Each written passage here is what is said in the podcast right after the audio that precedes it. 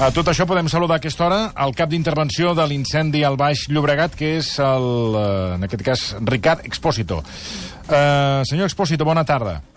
Hola, bona tarda. Bueno, a aquesta hora, les, quan falten uns 15 minuts per arribar a les 5, com estan les coses ara mateix sobre el terreny?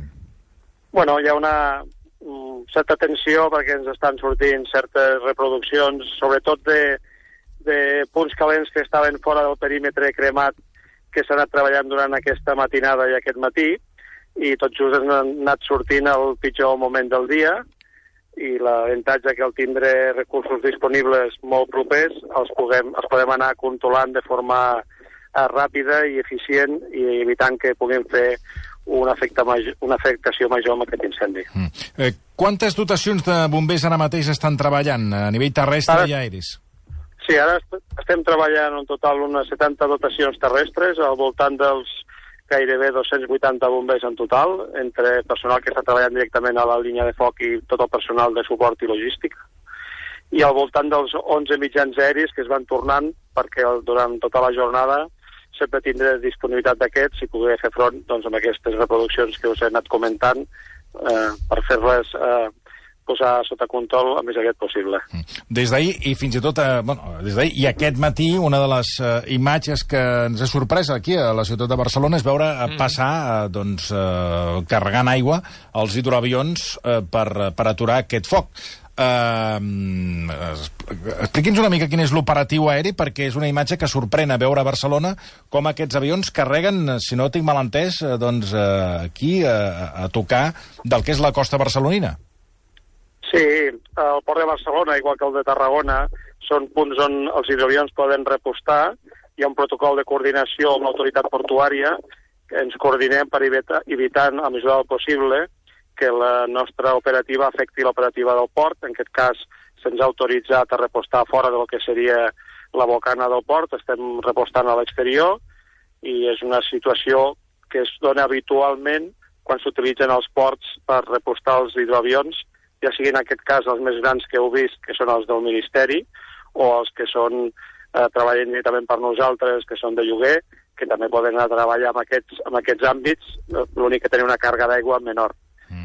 No, no, és una d'aquestes imatges que, que, en fi, que, que ens ha sorprès. Sí, sí, sí, perquè estem aquí a la planta 15, al vell mig de Barcelona, a la Diagonal, i els hem vist sí, molt sí. a prop. Eh, és d'aquestes imatges que, que, en fi, que, que més d'una fotografiat i que mm. guardem en la memòria. I a més, senyor Espòsito, suposo que ara estan fent eh, feina de valent eh, doncs per intentar eh, doncs, eh, recuperar aquestes hores de, de que queden de dia no? i intentar estabilitzar aquest incendi que, pel que ens constava l'última actualització, està un 90% estabilitzat pesat, però els hi feia por aquesta marinada no?, que entrava doncs, a aquest migdia amb el pic de calor i aquesta marinada que sembla que sí que, que s'està complint el pronòstic meteorològic.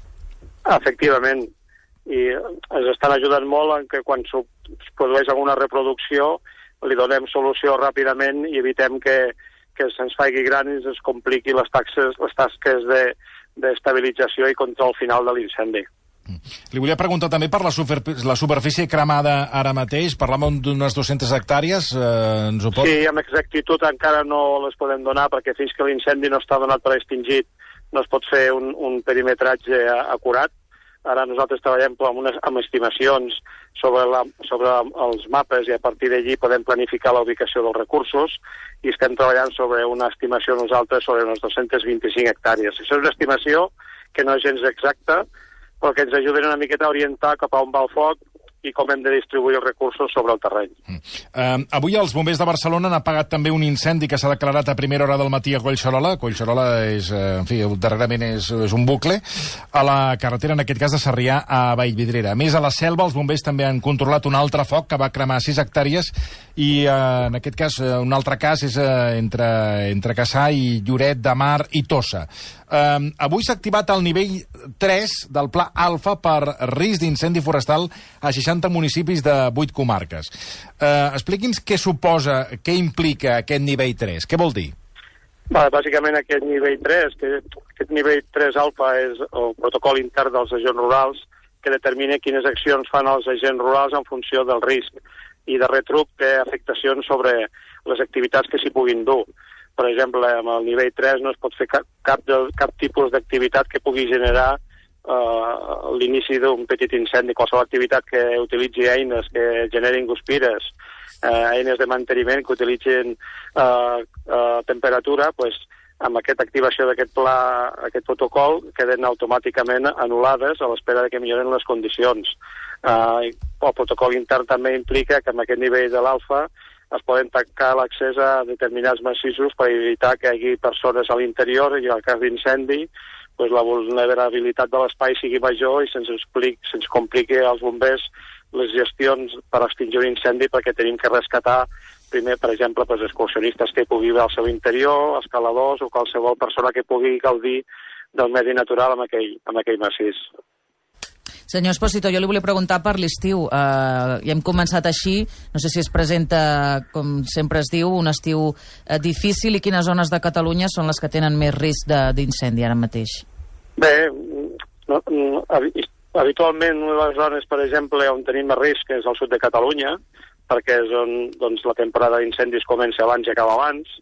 Pues enguany s'ha produït una, una situació típica, que hem rebut unes quantes precipitacions tot just a, a mitjans de juny, això fa que la variabilitat eh, del risc a Catalunya sigui molt complexa, però bàsicament avui, avui en dia la situació de risc seria tot el que és la, el, el, el centre de Catalunya, el que serien les àrees metropolitanes, tant la nord com la sud, el que seria el, la zona del, del Cap de Creus, l'Albera, les Gavarres al nord, part de la Catalunya central, les zones on encara a la plana de Lleida s'estan fent treballs de, amb la seca, que és una altres activitats que malauradament a vegades es provoquen algun incendi, i també al, sud de Catalunya, cada dia que passa, pues, eh, entra una vegada més en campanya i està disponible perquè en cas d'incendi la vegetació ja ens diu que en cas d'incendi pues, fem ara amb intensitat i dificultarà eh, poder-los controlar. No? A mesura que anirà avançant l'estiu, pues, si el comportament de la meteorologia és l'habitual, pues, zones del nord de la Catalunya central se podrien precipitacions i seran ja de ser zones de risc, i una mica la feina que fem des de bombers de fer tot el seguiment de les condicions que es produeixen dia a dia per intentar ajustar al màxim el dispositiu per donar la millor resposta.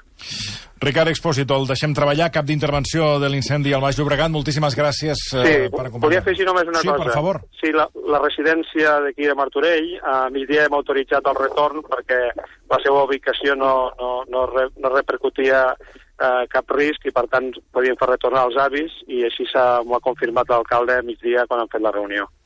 Doncs perfecte, bona notícia aquesta que ens acaba de... Sí, sí, que li preguntaves a Pau i doncs... aquesta informació com ja la tenien, doncs sempre doncs... és bona de, de poder donar. Repeteixo, moltíssimes gràcies per atendre'ns. Bona feina. Molt bé, a vosaltres gràcies, igualment. Sort.